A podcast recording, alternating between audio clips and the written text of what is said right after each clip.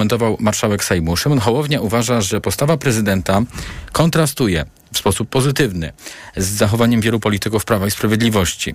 Zdaniem marszałka świadczy to, między innymi o tym e, świadczy to, że podczas dzisiejszego zaprzysiężenia po raz kolejny mówił o współpracy z nowym gabinetem. Takie obrazki naprawdę cieszą. No i stoją w kontrze oczywiście do tego obrzucania łajnem politycznym, e, choćby pana premiera, wyzywanie go od niemieckich agentów, porównywanie do Hitlera czy jakieś inne rzeczy, które przecież z ust niektórych polityków Prawa i Sprawiedliwości miały miejsce. Marszałek zwrócił uwagę też na zapewnienie prezydenta, że nie będzie utrudniał nowej koalicji rządzenia poprzez wetowanie ustaw. Moje doświadczenia czy rozmowy z panem prezydentem wskazują, że będzie on miał swoje szańce. Pewnie jednym z tych szańców e, będzie kwestia KRS, nominacji sędziowskich. Natomiast w pozostałych sprawach dotyczących e, naszego bieżącego funkcjonowania życia być może nie będzie aż tak dogmatyczny, jak do tej pory się wydawało. Prezydent zadeklarował dzisiaj m.in. od dziś dzierżymy wspólnie odpowiedzialność za polskie sprawy. TOK 360. Ministrowie, którzy z Pałacu Prezydenckiego wyjechali takim specjalnym autobusem z wielkim napisem Dziękujemy Polsko, udali się na krótkie spotkanie w kancelarii prezesa Rady Ministrów, a następnie od razu do swoich resortów. W Ministerstwie Obrony Narodowej na nowego szefa MON Władysława Kośniaka-Kamysza czekał jego poprzednik Mariusz Błaszczak, który w czasie uroczystości przekazywania obowiązków nawiązał do słów Tomasza Siemoniaka z PO, który podważał sens posiadania przez Polskę 300-tysięcznej armii. Chcę przekonać pana, panie premierze, że 300 tysięcy Wojska Polskiego to cel jak najbardziej realny. Wrócił także jeden z motywów kampanii wyborczej, w której PiS przekonywał, że PO oddałoby Polskę na wschód od Wisły bez walki. Błaszczak e, wręczył następcy mapę. Liczę na to, panie premierze, że z tej mapy nie znikną jednostki, które właśnie teraz tworzymy. Kosiniak-Kamysz za mapę podziękował. Mówił m.in. o tym, jak rozumie swoją rolę są dowódcy, generałowie, mają swoją rolę i jest cywilny nadzór nad armią, a nie zarządzanie. Cywilny nadzór i cywilna odpowiedzialność. A to z kolei nawiązanie do tego, jak wyglądały rządy Błaszczaka, któremu zarzucano przecież wtrącanie się w zarządzanie armią, co należy do obowiązków y, dowódców. Bo minister obrony narodowej ma nie zarządzać armią, tylko pełnić cywilny nadzór nad y, armią. Do kluczowych resortów należy Ministerstwo Edukacji. Jeśli nastąpią jakiekolwiek zmiany związane z religią w szkołach, to w kontakcie z episkopatem, tak zapewniła nowa minister edukacji Barbara Nowacka, ale y, sama y, zapowiedziała, że będzie proponować, żeby z budżetu państwa finansować tylko jedną godzinę religii tygodniowo i nie liczyć oceny z tego przedmiotu do średniej. Uważam, że z budżetu państwa przy takich obciążeniach, w tym przede wszystkim obciążeniach młodych osób, trzeba wyrównać ilość lekcji religii w porównaniu z lekcjami chemii, biologii i fizyki, które wydają mi się znacznie bardziej potrzebne do współczesnego świata w szkole, by dawać wiedzę. W przyszłym tygodniu Nowacka planuje spotkanie ze związkowcami z ZNP. Będzie też chciała rozmawiać z organizacjami pozarządowymi. Nowa minister zapewniła, że nauczyciele od początku nowego roku dostaną obiecane 30% podwyżki. Uprzedziła, że ze względu względu na pracę nad budżetem y, mogą być wypłacone w późniejszych miesiącach, no ale z wyrównaniem od y, stycznia. Szefowa innego, y, nowego resortu przemysłu urzędować będzie na co dzień nie w Warszawie, a w Katowicach, bo właśnie tam ministerstwo będzie miało swoją siedzibę. Tą ministrą została Marzena Czarnecka, profesor Uniwersytetu Ekonomicznego w Katowicach. No i główne pytanie brzmi, czy uda jej się dogadać z górnikami? Szef Górniczej Solidarności Bogusław Hutek dobrze ocenia ten pomysł na lokalizację resortu, jednak niewiadomą jest na razie podział kompetencji. Od 30 lat nikt nie potrafi poukładać relacji górnictwo, energetyka. I to jest niepoukładane. Jeżeli nie będzie miał jurysdykcji energetyki, no to, no cóż, no to chyba, że idą w kierunku likwidacji górnictwa, szybkiego, szybkiej likwidacji. A na to związki się nie zgodzą, podkreślając wagę podpisanej ponad dwa lata temu umowy społecznej, która określa zasady wygaszania branży do 2049 roku. Co z umową społeczną? Czy będą ją realizować? Czy chcą według tych głosów, które płyną z chcą, czy chcą ją wypowiedzieć? Jeżeli, tak jak powiedziałem, zapadną pewne decyzje, które będą szkodziły i, i kopalniom, i pracownikom górnictwa, no to się nie spotkamy przy stole, tylko gdzie indziej. Tak? Ministerstwo Przemysłu ma też koordynować sprawne wykorzystanie funduszy sprawiedliwej transformacji. Wśród nowych y, ministrów w rządzie Donalda Tuska jest m.in. profesor Adam Bodnar, powołany na szefa Ministerstwa Sprawiedliwości i temu resortowi teraz się bliżej przyjrzymy. To w rękach tego ministra leży teraz przywracanie w Polsce praworządności, rozwiązanie problemu z tak zwanymi neosędziami, czy też y, z upolitycznioną Krajową Radą Sądownictwa. Postulatów jest mnóstwo. Jest z nami w tej chwili Anna Gmidarek-Zabłocka. Y, Aniu, pierwsze takie prośby do ministra już płyną. Rzeczywiście są to m.in. prośby od sędziów z Poznania, by nowy minister pilnie odwołał z delegacji do orzekania w sądzie apelacyjnym w tym mieście znanego ze ścigania niezależnych sędziów rzecznika dyscyplinarnego Przemysława Radzika. Natomiast jeśli chodzi o pierwsze decyzje pana ministra, to jest to wniosek do premiera o przystąpienie Polski do prokuratury europejskiej, a także przywrócenie europejskich flag w gabinecie pana ministra. Oczekiwania wobec Adama Bodnara, ale też jego zastępców, czyli m.in. Marii Eichhardt z Wolnej Sądów czy sędziego Dariusza Mazura są ogromne. W pierwszej kolejności oczywiście w kontekście przywracania praworządności, mówi sędzia Dorota Zabłudowska z Justicji. Bardzo liczę na te osoby, które wchodzą do Ministerstwa Sprawiedliwości. Mam do nich ogromne zaufanie i mam takie poczucie przede wszystkim, że to są osoby z zasadami, osoby uczciwe. Bo to jest między innymi pan sędzia Dariusz Mazur, znany z walki o praworządność i z tego, jakie, jaki proces dyscyplinarny w tej chwili ma. Jest to sędzia Dariusz Mazur, ale przede wszystkim jest to Adam Bodnar, który naprawdę przez te 8 lat poprzednich rządów pokazał, co to znaczy stać na straży wartości, stać na straży praw obywatelskich i niczego innego się po nim nie spodziewam. Maciej Nowicki, prezes Helsińskiej Fundacji Praw Człowieka, też liczy na współpracę. Wierzy w nowego ministra, choć wie, że wcale może nie być mu łatwo. Zagrożeń widzę dużo, nie związanych konkretnie z tym personalnym składem, tylko z tym momentem, w którym się znajdujemy, dlatego że e, to będzie wymagało takiego właśnie twardego przez organizacje pozarządowe typu Watchdog stania na, e, na gruncie naszych, naszych wartości, ale naszej misji i patrzenia także tej władzy na ręce, podczas kiedy to jest ta nasza w tej chwili de facto władza, prawda, która mówi przynajmniej i chce, i w to wierzymy, realizować rzeczy, które są dla nas, dla praw człowieka, dla praworządności bardzo ważne. Więc myślę, że to może być dosyć trudne. Z drugiej strony myślę, że wiele organizacji, ale bardziej akurat ruchów społecznych, ale nie tylko, organizacji pozarządowych przekraczało granice jakiegoś politycznego zaangażowania, co jest zrozumiałe w sytuacjach tak poważnego kryzysu, kiedy, kiedy rzeczywiście pełna mobilizacja była potrzebna, żeby w ogóle nie doszło do konsolidacji autorytaryzmu. Jednak proces polityczny, y, to jest proces polityczny, który się powinien toczyć na zasadach dobrej legislacji. To nie zwalnia nikogo z obowiązku poważnej konsultacji, poważnych ocen skutków regulacji. Powinniśmy właśnie pokazać, że to jest inny proces niż ten proces, z którym mieliśmy do czynienia przez ostatnie 8 lat. A ustaw do wprowadzenia obecnie będzie wiele, jak słyszę od moich rozmówców, i ważne, by wróciły realne konsultacje społeczne, których w ostatnich latach brakowało. Adam Bodnar wie, co ma robić. To przekonanie Katarzyny Batko-Tołuć z sieci obywatelskiej Watchdog Polska. Bardzo mnie bawiło, jak słuchałam komentarzy politycznych, że tam politycy, że on taki nie jest ostry, że może powinien być ktoś ostrzejszy. Myślę sobie, oni w ogóle nie wiedzą, kim, nie zauważyli, kim był Adam Bodnar, kiedy był Rzecznikiem Praw Obywatelskich. Cieszy mnie, bo tak, z jednej strony ma solidną wiedzę i jednak wartości dobrze wyryte. Wartości, wiedzę jest też zręcznym politykiem, jednak moim zdaniem zdaniem. W związku z czym mam takie bardziej poczucie, że to będzie solidnie zrobione, tak jak trzeba. No i że ta odpowiedzialność po prostu jest, bo, bo teraz jest bardzo duża odpowiedzialność. W ogóle to jest bardzo ciekawe. Trudne, jak się skończy kwestia, zwłaszcza neosędziów i tego, jak wyważyć między sprawiedliwością dla ludzi, sprawiedliwością dla sędziów, którzy ucierpieli. No i trochę dla mnie jest lepiej, żeby to był Adam Bodnar, który rozumie, czym są międzynarodowe gwarancje, Komisja Wenecka i coś, co można zrobić, czego nie można zrobić. Na pierwsze Pierwsze decyzje Adama Bodnara, choćby w zakresie zmian w kodeksie karnym, liczy także społeczność osób LGBT.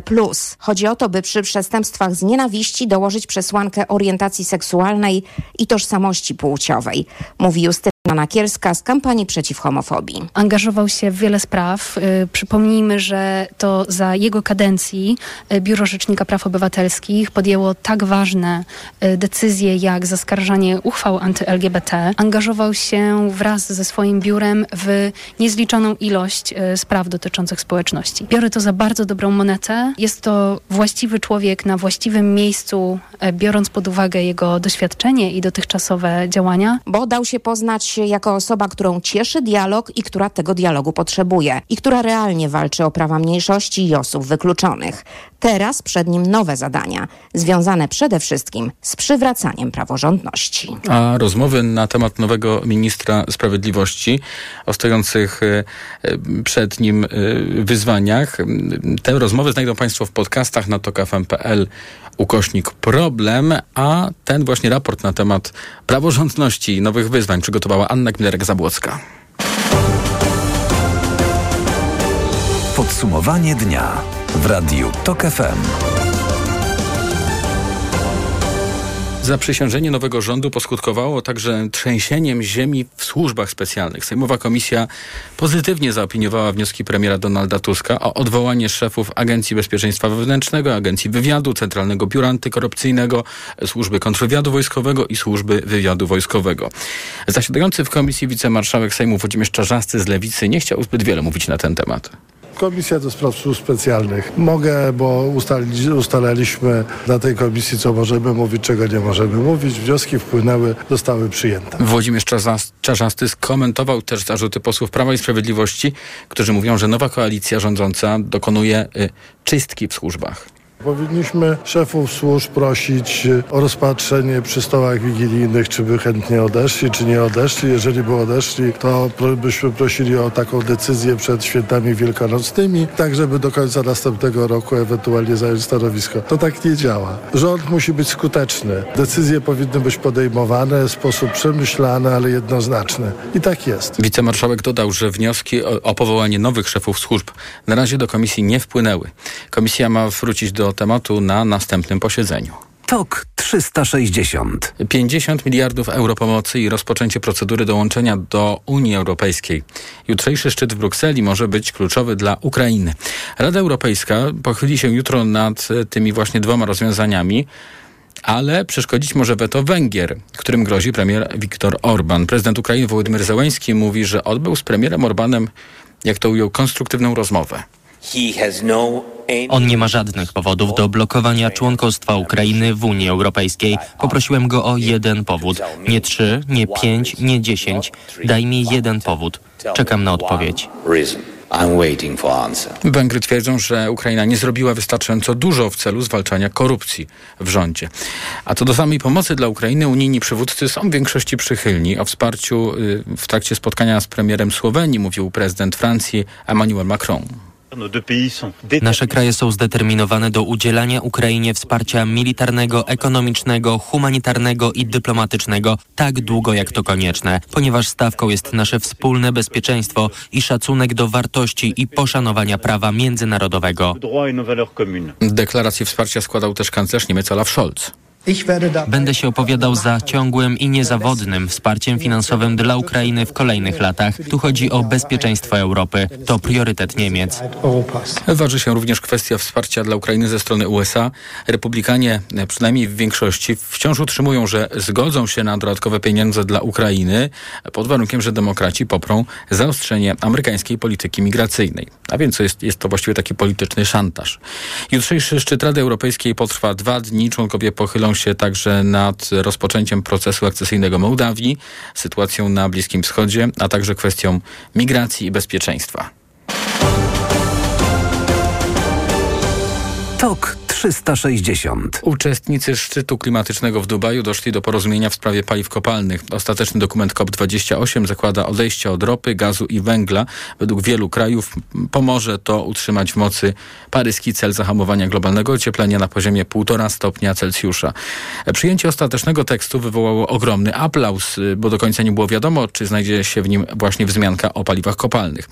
Ale warto zaznaczyć tutaj, że tekst nie wzywa do wycofania się, tylko do odchodzenia od paliw kopalnych. Ma się to odbyć w sposób sprawiedliwy, równy i uporządkowany, a to rola państw globalnej północy, mówiła ministra środowiska Brazylii Marina Silva.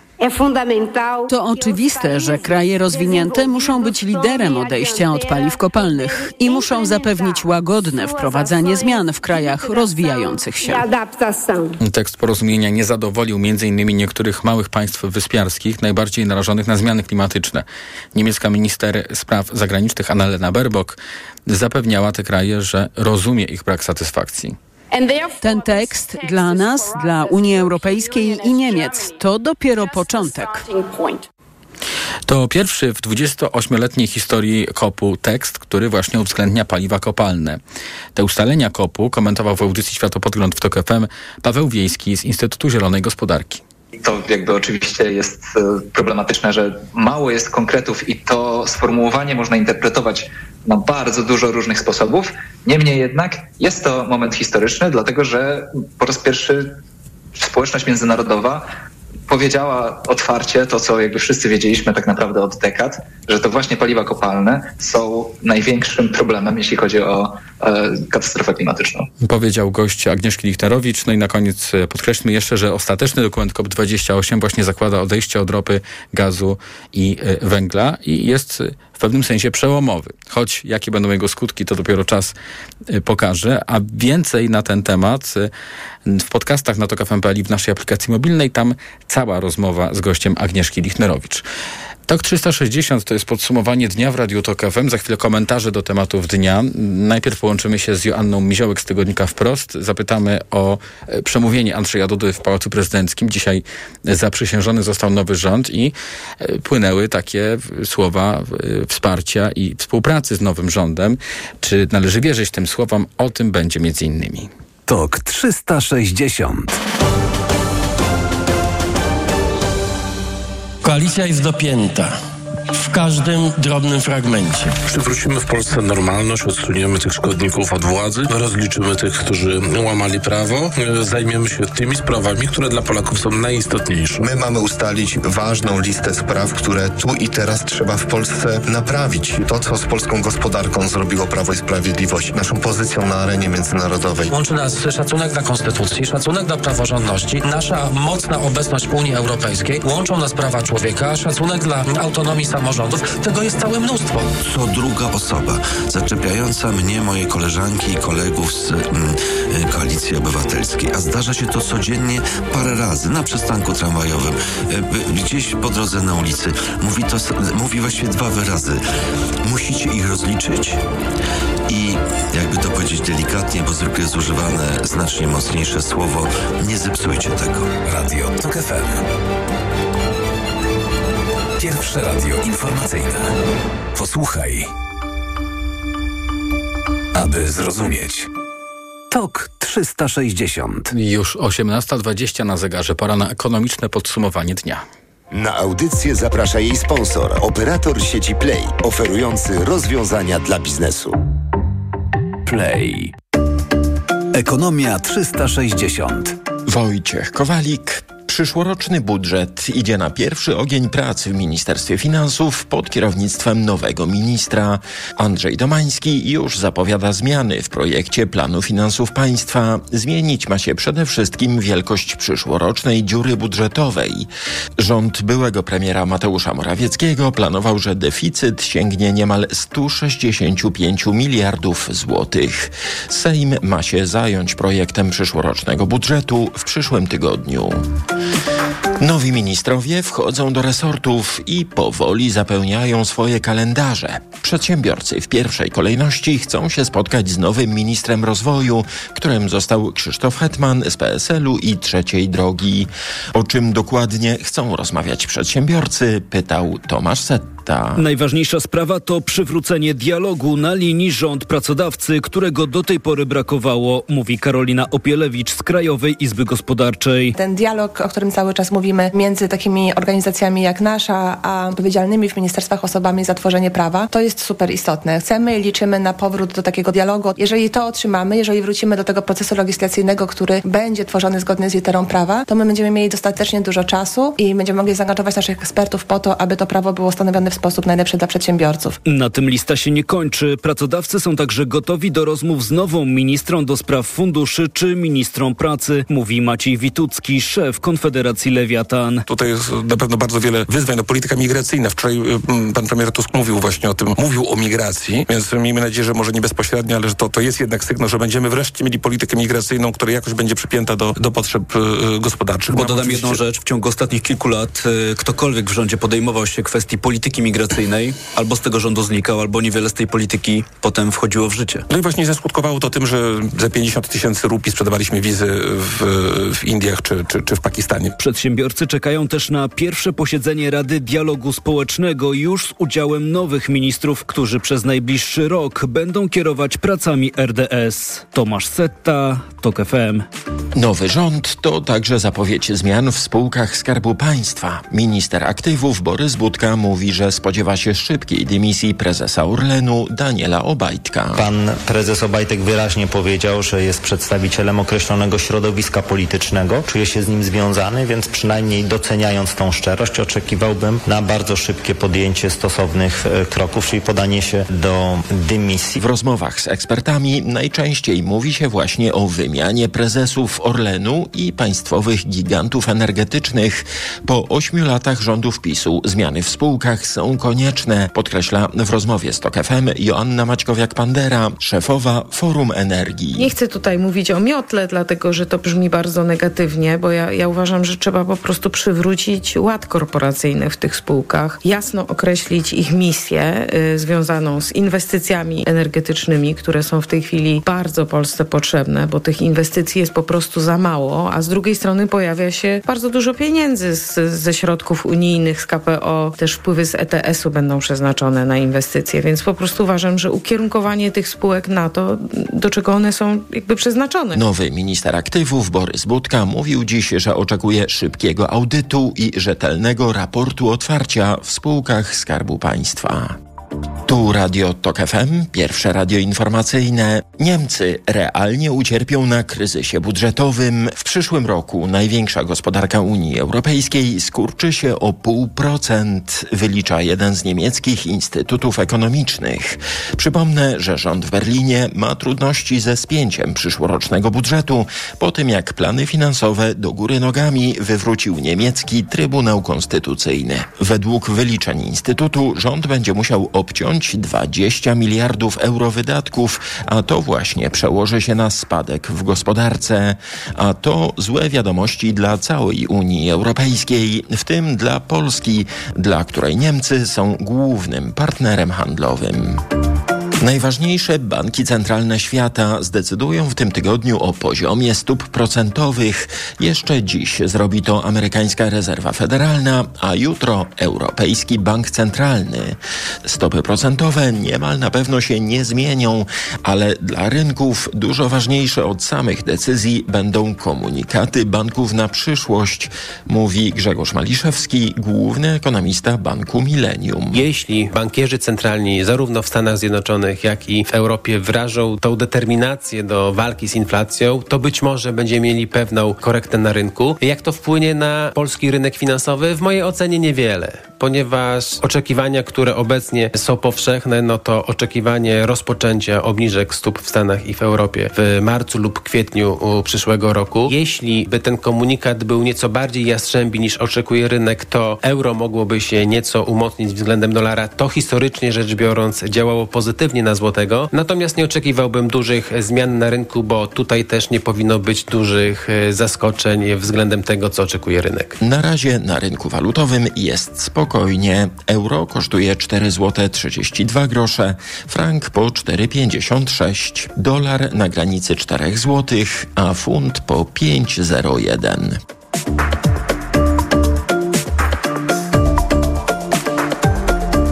Ekonomia 360. Na audycję zaprosił jej sponsor, operator sieci Play, oferujący rozwiązania dla biznesu. Play. Pogoda. W nocy w południowo-zachodniej Polsce opady deszczu, a w pozostałych regionach także deszcz ze śniegiem i śnieg. Na termometrach od minus 5 stopni na północy i około 1 stopnia w centrum do 3 na południowym zachodzie, do 3 już na plusie. A jeśli chodzi o jutro, to najchłodniej będzie na Mazurach, tam 0 stopni. E, Na Pomorzu około 2-3 stopni. Najcieplejsze regiony to będzie południowy zachód, Wrocław, Opole, Katowice, Kraków, wszędzie 4 stopnie. Największa, y, największe prawdopodobieństwo opadów albo śniegu, albo deszczu ze śniegiem w południowej części kraju. Radio TOK FM. Pierwsze radio informacyjne. TOK 360. Nowy rząd został już zaprzysiężony w Pałacu Prezydenckim. To było rano, po którym to zaprzysiężeniu prezydent Andrzej Duda e, zapewniał o tym, że będzie współpracował z rządzącymi, a jego wystąpienie będziemy kon- komentować już za chwilę z Joanną Miziołek z tygodnika Wprost. Reklama. Teraz w euro świąteczne okazje. Obniżki na produkty objęte akcją. 75 cali LG 4K. Najniższa cena z ostatnich 30 dni przed obniżką to 5499. Teraz za 4299 zł.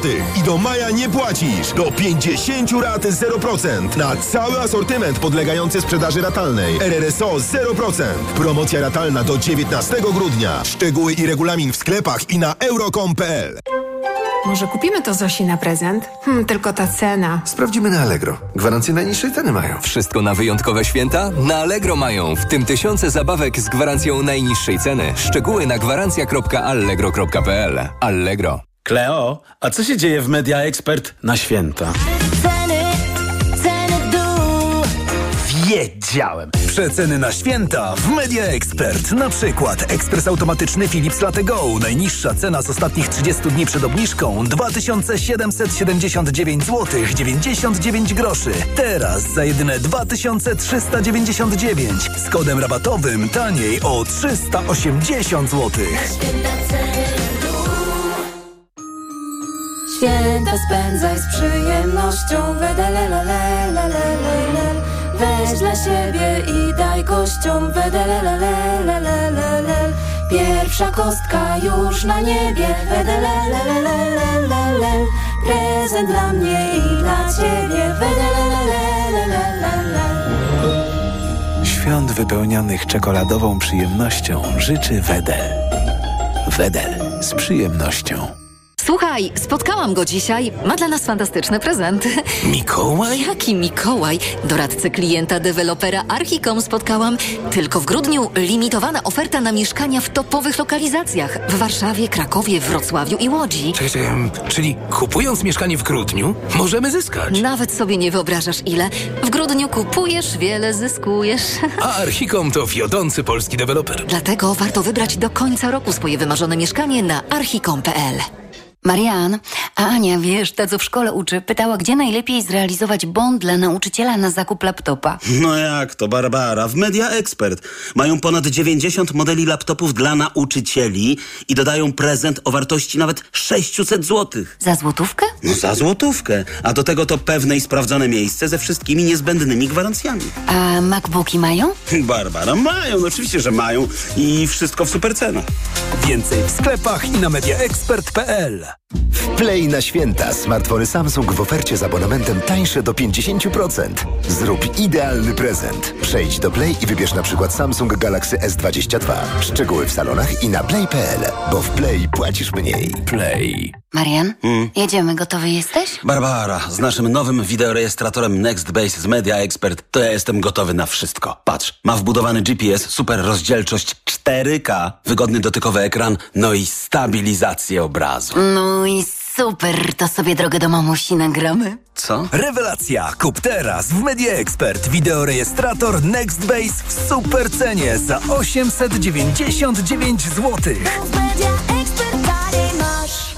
Potrzebny mi nowy dostawczak od ręki. Toyota. Z ładownością do 1000 kg. Toyota. A do tego w leasingu 101%.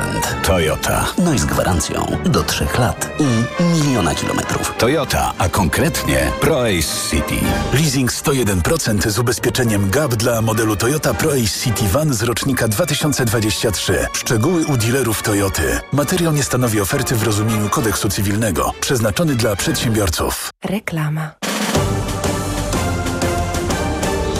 TOK 360. Od dzisiaj odpowiedzialność za polskie sprawy dzierżymy wspólnie, e, zadeklarował prezydent Andrzej Duda po powołaniu nowego rządu, rządu Donalda Tuska. Teraz na ten temat będziemy rozmawiać z Joanną Miziołek z tygodnika Wprost. Dobry wieczór, witam w TOK 360.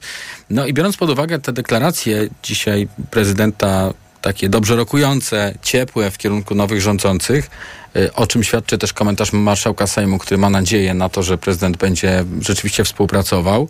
No to co? Należy się chyba spodziewać, że teraz będzie y, poza pewnymi kwestiami, jak na przykład stanowisko prezydenta w sprawie sędziów, oczywiście przez niego, y, y, którzy, którzy zostali przez niego ostatecznie mian mianowani, należy się spodziewać chyba harmonijnej współpracy. A pani redaktor, jak, czego się spodziewa? Tak parafrazując to powiedzenie, dobre złego początki, bo wydaje mi się, że jednak mimo tych słów, zapewnień o współpracy, ta współpraca taka łatwa nie będzie i będzie kilka punktów sprzecznych, chociażby ci słynni sędziowie. E, jednak Andrzej Duda będzie musiał stać po stronie swojego środowiska politycznego, chce czy nie chce. Czyli to jest e, dobra mina do złej gry. Tak, zresztą tą minę widzieliśmy w niektórych memach. To znaczy było takie zdjęcie, które wskazywało na taki nieszczery uśmiech ze strony Andrzeja Dudy, kiedy podawał rękę Donaldowi Tuskowi. Ja też zwróciłem uwagę na jedną rzecz jeszcze, że Donald Tusk pozując do tych zdjęć z Andrzejem Dudą, taką nietęgą tę minę miał. No właśnie, bo panowie nie przepadają za sobą od lat. Andrzej Duda nigdy tego nie krył. On to nawet na spotkaniach z dziennikarzami mówił wprost, że e, ma ogromne pretensje, żale do Donalda Tuska, jeszcze związane z tą katastrofą smoleńską, e, z tym jak zachowywał się wobec Władimira Putina i myślę, że tam gdzieś dogłębnie to jest cały czas, więc nie sądzę, żeby to była lekka współpraca, ale z drugiej strony no Andrzej Duda też nie może e, w każdej sprawie konfliktować się z Donaldem Tuskiem. A dlaczego nie? Dlatego, że wtedy to będzie bardzo łatwa wymówka dla obecnej e, koalicji rządzącej, że no nie możemy realizować swoich projektów, bo wetuje wszystko Andrzej Duda. E, więc on, e, dzięki temu, że ma Marcina Mastalerka gdzieś za swoimi plecami, będzie to chciał jakoś sprytnie rozegrać. To znaczy tylko te, które rzeczywiście będą niezgodne w jego poczuciu, no chociażby powie, z konstytucją. No, pamiętamy sytuację, teraz mamy sytuację z KPO związaną. Przed chwilą Donald Tusk w Brukseli miał takie oświadczenie dla pracy, w którym mówił o tym, że tak naprawdę to te kamienie milowe w postaci ustaw chyba nie będą aż tak bardzo potrzebne, to zasugerował, bo ta praworządność i demokracja w Polsce jest, e, bo 15 października ludzie zdecydowali się na taki rząd, a nie inny. E, dlatego wydaje mi się, że no, niektóre rzeczy po prostu Donald Tusk będzie obchodził. To znaczy być może dostaniemy rzeczywiście te pieniądze z KPO, zanim jeszcze te zmiany w sądownictwie zajdą, bo ja nie sądzę, żeby tutaj Andrzej Duda na przykład w tym pomagał, jeśli chodzi E, o te reformy. Pamiętamy w grudniu ubiegłego roku, kiedy to on odesłał do Trybunału Konstytucyjnego ten projekt o Sądzie Najwyższym, który miał właśnie odblokować środki z KPO. Mhm. No i tutaj sposobem na to, żeby przekonać Brukselę, że wracamy na drogę praworządności, e, to jest powołanie Adama Bodnara na stanowisko ministra sprawiedliwości. E, Donald Tusk mówi, że on jest gwarantem tej niezależności, czyli to jest taki coś zamiast uniezależnienia Urzędu Prokuratora Generalnego. Ja to y, tak rozumiem, to jest jedna sprawa. Druga, wniosek o przystąpienie do prokuratury europejskiej. Pytanie, czy to są y, metody, które rzeczywiście pozwalają na wykazanie powrotu na drogę praworządności, czy też taki pretekst, który pozwoli na podjęcie przez Brukselę politycznej decyzji, która i tak by była pozytywna dla Polski po zwycięstwie Tuska. Myślę, że właśnie ta druga opcja jest najbardziej prawdopodobna, bo e, no, chyba nie mieliśmy wszyscy złudzeń, że to raczej będzie decyzja polityczna e, i e, to po prostu będą takie gesty w stronę Unii Europejskiej, która raczej no, nie będzie oczekiwała spełniania aż tych wszystkich kamieni milowych, jak w, prawie, jak w przypadku Prawa i Sprawiedliwości, no ale z jednej strony możemy się oburzać, że no, wcale nie chodziło o dopełnienie tych kamieni milowych, a z drugiej strony no, jednak to napięcie między rządem Prawa i Sprawiedliwości a Komisją Europejską po prostu było i kilka razy było to niedotrzymywanie z jednej i z drugiej strony obietnic, e, chociażby ta suwerenna Polska, która e, Mateusz Morawiecki do czegoś się zobowiązywał, zaraz suwerenna e, Polska to bombardowała i nie udawało się przejść z tym, więc nie było tutaj po obu stronach zaufania. Myślę, że w przypadku Donalda Tuska to zaufanie już po prostu mhm. jest wypracowane, więc tutaj nie będzie takich wątpliwości. Mhm. A te reakcje na przylot Donalda Tuska do Brukseli, y, ciepłe powitania, bo tak możemy to oceniać, śledząc e, telewizyjne przekazy e, z, właśnie ze spotkań z unijnymi przywódcami czy to jest taki dobry prognostyk? No, no, no, i w ogóle sposób, w jaki ten rząd wystartował, jak pani redaktor ocenia? Ja myślę, że jeżeli chodzi o poprawienie relacji, to tak, ale z drugiej strony e, tutaj Prawo i Sprawiedliwość, jaka to silna opozycja, będzie mówiła, no tak, dobrze przyjęte w Brukseli, e, no bo tutaj będą wskazywać na to, że e, bardziej identyfikuje się z Brukselą niż z Polską i nie będzie tam pilnował polskich interesów i zaraz wejdzie ta argumentacja odnośnie federalizacji Unii Europejskiej, z czym też Prawo i Sprawiedliwość zamierza iść do wyborów europejskich, więc z jednej strony dobrze, że te relacje się poprawiają, ale tutaj to już jest kontrargument dla teraźniejszej opozycji, która będzie mówiła o tym, że te interesy polskie nie będą, nie będzie tak bardzo Donald Tusk zabiegał, mhm. bo też był politykiem europejskim zresztą, który musiał reprezentować no, całą Europę wtedy. E, to jeszcze krótko zapytam na koniec. A to będzie trafiał na podatny grunt? Taka narracja, że Donald Tusk to najlepiej się w Brukseli z politykami dogaduje na, na niekorzyść Tuska? Czy też może wyborcy są zmęczeni kłótniami z Brukselą i z ulgą na to patrzą? Ja myślę, że e, wyborcy są zmęczeni robieniem czarnego luda z Donalda Tuska i dlatego też taki wynik wyborów, a nie inny. To znaczy Prawo i Sprawiedliwość w kampanii przyjęło e, taką właśnie strategię, że uderzało cały czas Donalda Tuska, a paradoksalnie być może ludzie właśnie zmęczeni tym e, stwierdzili, że chcą innego wyboru. Mm, więc może by to, to tak naprawdę obusieczna broń, mhm. która będzie ze strony tutaj Prawa i Sprawiedliwości. Zobaczymy, jak będzie ostatecznie, czy na przykład kwestie migracyjne Tutaj nic się nie zmieni. Ten pakt migracyjny, zresztą o tym w ekspoze trochę mówił Donald Tusk, o tej solidarności europejskiej, jeśli chodzi o granice Unii Europejskiej. Więc to wszystko będzie zależało od działań Donalda Tuska e, i efektów tych rozmów. Jeżeli okaże się, że tylko jak na razie korzystamy, czyli mamy pieniądze, no to rzeczywiście nie, po, nie padnie mhm. to na podatny grunt. Bardzo dziękuję. Joanna Miziołek z Tygodnika Wprost była razem z nami, a za chwilę połączymy się z Piotrem Andrusieczko, korespondentem Gazety y, Wyborczej w Ukrainie, a będę pytał o między innymi o dzisiejsze nocne ataki na Kijów. Reklama. Teraz w euro świąteczne okazje. Obniżki na produkty objęte akcją. 75 cali LG 4K. Najniższa cena z ostatnich 30 dni przed obniżką to 5499. Teraz za 4299 zł. I do maja nie płacisz. Do 50 rat 0%. Na cały asortyment podlegający sprzedaży ratalnej. RRSO 0%. Promocja ratalna do 19 grudnia. Szczegóły i regulamin w sklepach i na euro.com.pl. Świąt świąteczny czas, więc moc prezentów mamy. Dobra sieć na święta łączy, a prezenty mnoży. W T-Mobile kupując Motorola Moto G54 5G Power Edition z abonamentem, drugi smartfon otrzymasz w prezencie. Świątecznie niskie ceny w Mediamarkt. Teraz rewelacyjna pralka Beko z wsadem do 6 kg i technologią Steam Cure za 1149 zł. Taniej o 150 zł. Najniższa cena z 30 dni przed obniżką to 1299 zł, a 55-calowy telewizor QLED 4K Hisense za 2199 zł. Taniej o 300 zł. Najniższa cena z 30 dni przed obniżką to 2499 zł. Szczegóły w sklepach i na mediamarkt.pl. Przewodnik TOK FM. Na zdrowie. Słuchaj od poniedziałku do piątku po 14.30. Do usłyszenia. Ewa Podolska. Sponsorem programu jest dystrybutor suplementu diety probiotyku Vivomix. Teraz w Carrefourze niezapomniane święta w wyjątkowych cenach. Koce, narzuty, poszewki i poduszki ze wzorami świątecznymi w promocji drugi tańszy produkt 50% taniej. Oferta ważna do 17 grudnia. Carrefour. Możemy kupować mądrze. Mikołajki w Douglas to światowe marki w super cenach z rabatem do 30% oraz mnóstwo pomysłów na prezenty już od 35 zł. Zapraszamy do perfumerii Douglas, aplikacji oraz na douglas.pl. Celebruj piękno w te święta z Douglas. Marian, hmm? jedziemy, gotowy jesteś? Barbara, z naszym nowym wideorejestratorem NextBase z Media Expert to ja jestem gotowy na wszystko. Patrz, ma wbudowany GPS, super rozdzielczość 4K, wygodny dotykowy ekran, no i stabilizację obrazu. No i Super, to sobie drogę do mamusi nagramy. Co? Rewelacja! Kup teraz w Media Expert wideorejestrator NextBase w super cenie za 899 zł.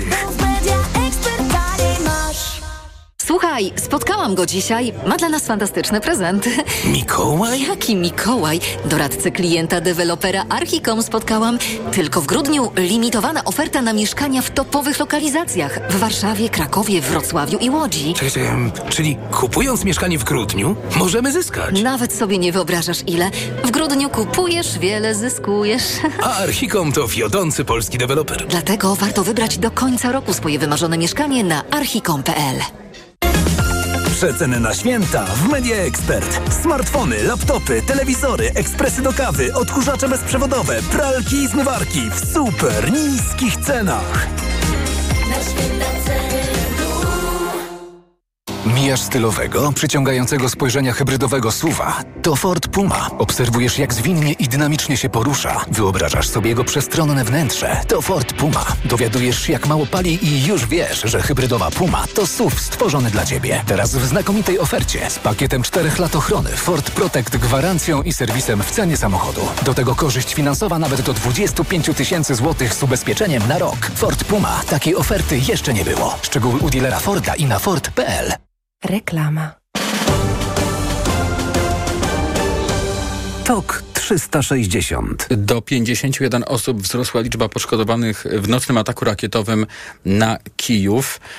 W tym ataku wykorzystano rakiety Iskander oraz S-400, informuje o tym sztab generalny ukraińskiej armii.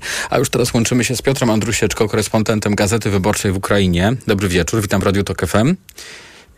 Dobry wieczór. Chciałem pana redaktora na wstępie zapytać o to, co oznacza y, atak na y, Kijów. Po raz pierwszy od, y, od dawna mówimy o tym, że ukraińska stolica jest przedmiotem ataku y, tak, y, mm, że tak powiem, y, ta, tak dużego ataku. Ja uściś, uściślę, że to jest drugi atak od dłuższego czasu rakietowy, dlatego że e, poprzedni atak odbył się dwa dni wcześniej i też z wykorzystaniem właśnie pocisków balistycznych. Ale nie było tylu poszkodowanych, E, wtedy- zgadza się? Tak, tak, dlatego że no, widocznie te rakiety, po prostu rosyjskie rakiety zostały przechwycone jeszcze gdzieś na obrzeżach Kijowa i rzeczywiście te odłamki nie spadały na po prostu budynki mieszkalne. Tutaj jednak y, te, te ułamki właśnie tych y, pocisków, zestrzelonych pocisków, no niestety spadły w rejonach, w dzielnicach już y, samego Kijowa i to spowodowało, spowodowało właśnie tyle tylu rannych. No niestety tutaj nie ma jakby na to rady. To znaczy dlatego, że jest albo do wyboru, albo zestrzeliwać te rakiety, albo nie. I przy zestrzeleniu, zestrzeliwaniu tych rakiet niestety jest to niebezpieczeństwo, że właśnie te elementy tych rakiet i nawet, jak to było widać przynajmniej w jednym miejscu, no głowica po prostu takiej rakiety, ona mogła nie zdetonować w powietrzu, tej rosyjskiej rakiety i po prostu detonuje wtedy przy uderzeniu mm, w ziemię, no i wywołuje e, ogromne jakby to pole rażenia, dlatego że te, te głowice są bardzo, e, bardzo duże. A jak w ogóle na Więc obecnym to e, jest- e, etapie radzi sobie Ukraina z dopieraniem tej rosyjskiej agresji? Bo pytam w ogóle o ten atak w kontekście tych raczej niepokojących informacji o tym, że Rosjanie częściej atakują, no, no, kontrofensywa była raczej nieudana. Jak to wygląda teraz?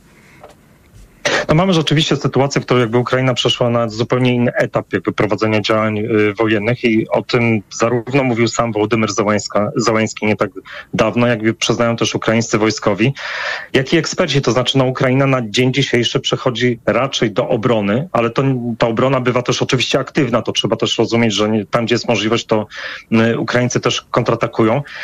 Ale obecnie w ostatnich tygodniach widać, że to Rosjanie starają się przejąć inicjatywę na froncie i to w zasadzie widzimy, że są aktywni na całej linii frontu, czyli powiedzmy od tam, od y, gdzieś y, obrzeża obwodu y, charkowskiego aż po południe i wszędzie prowadzą ataki. No a takim największym symbolem tych walk i właśnie takich zaciekłych ataków jest Awdijewka w ostatnich, w ostatnich tygodniach. Tam rzeczywiście no, Rosjanie starają się za wszelką cenę zająć to, to miasto, które znajduje się niedaleko Doniecka i to trochę przypomina to, co się działo w ubiegłym roku wokół Bachmutu, gdzie też no, mieliśmy bardzo właśnie takie zaciekłe walki i też y, no, ponoszą ogromne straty, ale tak jak mówię, no, nie liczy się dowództwo rosyjskie z tymi stratami. Widać, że potrzebny jest sukces za jakikolwiek sukces y, w takim szybkim okresie czasu, być może do końca roku. No i tu pojawia się pytanie, czy y, Rosjanie stali się mocniejsi, czy też Ukraina osłabła po prostu na tym polu walki. No i przechodzimy w ten sposób też do, do, do tego tournée e, prezydenta Wołodymyra Zełenskiego, który zarówno z Amerykanami, jak i unijnymi przywódcami, no w tej chwili w, z przywódcami konkretnie państw nordyckich także rozmawia o wsparciu dla Ukrainy. E, o co tutaj toczy się gra? No, gra toczy się o, właśnie o to wsparcie, o broń i amunicję, no, której no, ewidentnie brakuje, dlatego że ta pomoc wojskowa bardzo się skurczyła w ostatnich miesiącach. Znaczy mamy spadek. Widziałem ma porównanie, że jeżeli, jeżeli by to porównać z ubiegłym rokiem, to co 90%. Jakby mniejsze jest to wsparcie w teraz pod koniec, pod koniec tego roku. Więc rzeczywiście to jest ogromny problem przede wszystkim związany z tym, co się dzieje w polityce wewnętrznej Stanów Zjednoczonych, no, gdzie, nie, gdzie nie można osiągnąć, siły polityczne nie mogą osiągnąć y, kompromisu dotyczącego właśnie przyznania kolejnej transzy pomocy Y, dla Ukrainy, więc rzeczywiście to była w Stanach Zjednoczonych, to była wizyta, takie można powiedzieć, no jakby próba nacisku właśnie na y, przede wszystkim na partię republikańską. Wydaje się, że ona niestety nie przyniosła rezultatu, póki co, więc raczej do świąt nie zostanie jakby uchwalona właśnie, nie zostanie podjęta decyzja o przyznaniu tej pomocy. Natomiast no, o wiele większe sukcesy udaje się, udało się Zełańskiemu chyba odnieść właśnie na tym szczycie państw północnoeuropejskich, bo tutaj mamy deklarację zarówno Danii i Norwegii o, o takich transzach pomocowych, ale oczywiście ta pomoc jest niewystarczająca, dlatego że to Stany Zjednoczone no, były głównym jakby tutaj donorem właśnie tej pomocy wojskowej. No i o wsparciu, o członkowstwie także w Unii Europejskiej, y, o drodze do akcesji y, też o tym wszystkim jest unijny szczyt, który się rozpoczyna jutro. Bardzo dziękuję. Piotr Andrusieczko, korespondent Gazety Wyborczej w Ukrainie, był razem z nami. A już za chwilę wrócimy na lokalne polskie podwórko. Będziemy rozmawiać o lekcjach religii w szkole. Na to dlatego, że nowa minister edukacji zapowiedziała, że te lekcje religii będą ograniczone. Tak przynajmniej by chciała. Będę o realia szkolne pytał w związku z tym Danutę Kozakiewicz, dyrektorkę szkoły podstawowej nr 103 w Warszawie.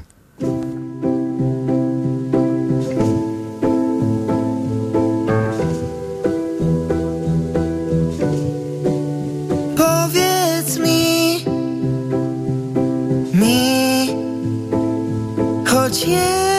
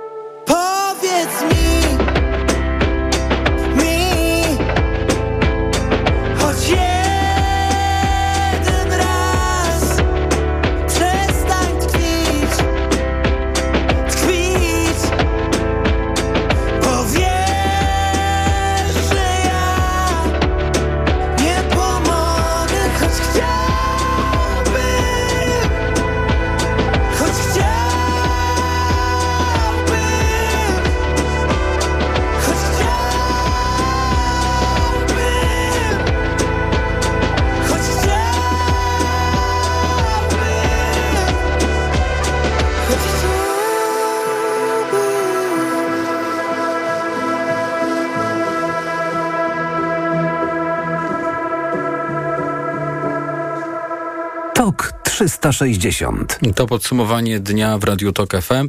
Jeśli nastąpią jakiekolwiek zmiany związane z religią w szkołach, to w kontakcie z episkopatem. Tak zapewnia nowa minister edukacji Barbara Nowacka, która jednocześnie przy pierwszej możliwej okazji, y, tuż po tym jak został zaprzysiężony rząd, zapowiedziała, że będzie proponowała, aby z budżetu państwa finansować tylko jedną godzinę religii tygodniowo i nie liczyć oceny z tego przedmiotu do średniej.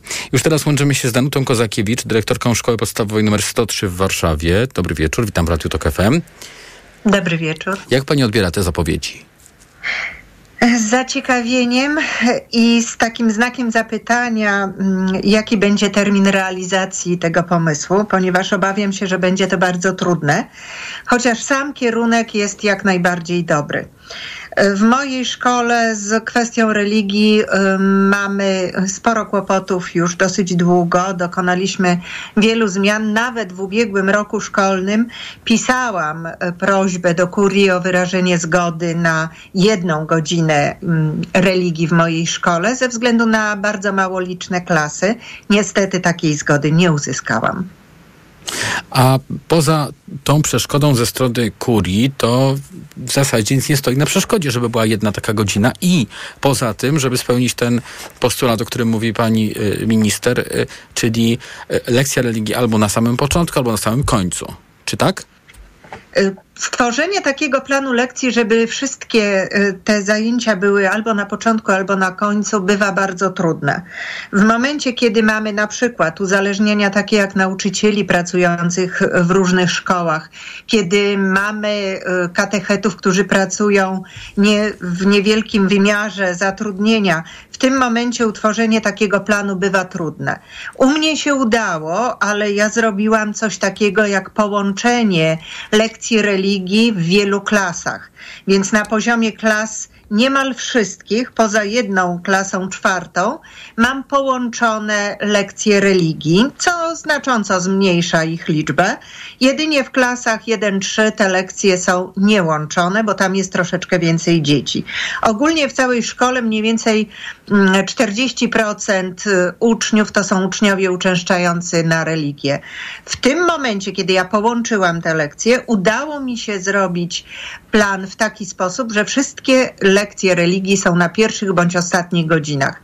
Jeżeli nie robimy takiego połączenia, bywa to wręcz niemożliwe. Jeśli chodzi o lekcje religii, to czego oczekuje społeczność szkolna? Przede wszystkim dobrych katechetów, bo jeżeli już jest lekcja religii, to niech będzie to lekcja religia, religii pełnowartościowa, E, taka, która faktycznie przynosi dzieciom jakąś wiedzę, jakąś korzyść. To jest pierwsze. Z katechetami jest bardzo trudno i jakość ich pracy bywa bardzo różna. Druga rzecz, my chcielibyśmy i najczęściej właśnie tak to wygląda, że rodzice oczekują czegoś w rodzaju religioznawstwa nie połączonej y, metody pracy z liturgią, z głęboko pojmowaną wiarą, tylko religioznawstwa, które dostarczy wiedzę. Natomiast chcieliby ci rodzice bardzo często, żeby kwestie liturgiczne dotyczyły Kościoła, wiedza może znajdować się w szkole.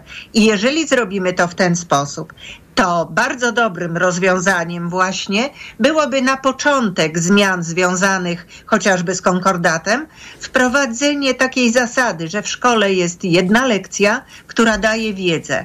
Natomiast wszelkie mm, zagadnienia dotyczące liturgii mogą odbywać się w kościele, chociażby finansowane również przez rodziców, finansowane przez kościół. Czyli państwo i szkoła odpowiada za wiedzę, nie za liturgię i wiarę.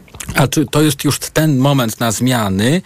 No bo jak pani mówi o tym, że rodzice mieliby płacić za takie lekcje, czy też Kościół miałby płacić, to, to brzmi tak jak jakaś y, niezbyt realna wizja przyszłości.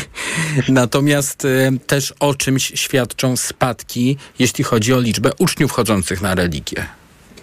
Dlatego na początku pojawił się, na początku mojej wypowiedzi pojawił się znak zapytania. Na ile jest to realne? Mm, jest y, pewne zagadnienie, które urealnia wszelkie działania. To jest kwestia tego, że w tej chwili mm, liczebność uczniów na lekcjach religii znacząco spada i powinna mm, pojawić się refleksja również y, po stronie y, episkopatu, że coś zrobić jednak trzeba, bo ta forma, która jest w tej chwili, forma nauczania religii w szkole, powoduje spadek zainteresowania tymi lekcjami. Czyli trzeba podjąć kroki z obu stron naprawcze, zmieniające. Ten mm, projekt, który przedstawiła pani minister, jest projektem dosyć moim zdaniem takim łagodnym, biorącym pod uwagę potrzeby mm, obu stron i tych, którzy chcą, żeby jak najmniej było kwestii związanych z religią w szkole, i tych, którzy chcą, żeby religia pozostała. Taki kompromis. Na razie nie likwidujemy, nie wiem co będzie dalej. Rozmawiamy z episkopatem, pozostawiamy jedną godzinę i dyskutujemy. Dyskutujemy w ramach całego społeczeństwa, czy naprawdę religia w szkole jest to dobry pomysł. Czy religia przy kościele nie byłaby pomysłem znacznie lepszym, gdzie e, jednak samo podejście do nauczania jest inne. Danuta Kozakiewicz, dyrektorka Szkoły Podstawowej nr 103 w Warszawie, była razem z nami tuż przed 19. Za chwilę informacja. Reklama. Cześć wszystkim, tutaj Tomek. Słuchajcie, mam nowy samochód. Byłem na wyprzedaży w Toyocie i wyjechałem z salonu Corollą. Piękne, nowoczesne auto, hybryda piątej generacji. Wyświetlacz 12,3 cala z cyfrowym kokpitem. Jest też system multimedialny z kolorowym ekranem dotykowym w HD 10,5 cala. A to wszystko teraz w dobrej ofercie i to z korzyścią aż do 16 300 zł. Niesamowita sprawa ta wyprzedaż w Toyocie. Polecam. Słuchaj, spotkałam go dzisiaj. Ma dla nas fantastyczne prezenty. Mikołaj? Jaki Mikołaj? Doradcę klienta dewelopera Archicom spotkałam. Tylko w grudniu limitowana oferta na mieszkania w topowych lokalizacjach. W Warszawie, Krakowie, Wrocławiu i Łodzi. Czekaj, czekaj, czyli kupując mieszkanie w grudniu, możemy zyskać. Nawet sobie nie wyobrażasz ile. W grudniu kupujesz, wiele zyskujesz. A Archicom to wiodący polski deweloper. Dlatego warto wybrać do końca roku swoje wymarzone mieszkanie na archicom.pl. Kosztuje. I finałowe pytanie. Ile w McDonald's kosztuje teraz cheeseburger z frytkami i napojem? 10 złotych. Tak jest! Odkryj Hit Maka, a w nim m.in. cheeseburger z małymi frytkami oraz małym napojem za 10 zł. Nie tak dawno temu, obok rzeki Wisły, była sobie elektrownia po Wiśle, a w niej tysiące świątecznych prezentów. Każdy, kto pojawił się w jej progach, mógł znaleźć idealny prezent dla najbliższych. Elektrownia po Wiśle. Prezenty jak z bajki. W Mercedes-Benz 6 równa się 25? tak! W Mercedes-Benz 6 równa się 25. Jeśli masz Mercedesa starszego niż 6 lat, skorzystaj z przeglądów i wybranych usług w autoryzowanych serwisach do 25% taniej. Zaufaj naszym ekspertom i podaruj drugą nowość swojemu Mercedesowi dzięki programowi Service Select. Do 25% korzyści w dowolnym momencie. Odwiedź autoryzowany serwis Mercedes-Benz lub wejdź na mercedes-benz.pl zakładka serwis. Marian, ty wiesz jak działają w Media Expert te multirabaty na święta? No, na kupowanie prezentu.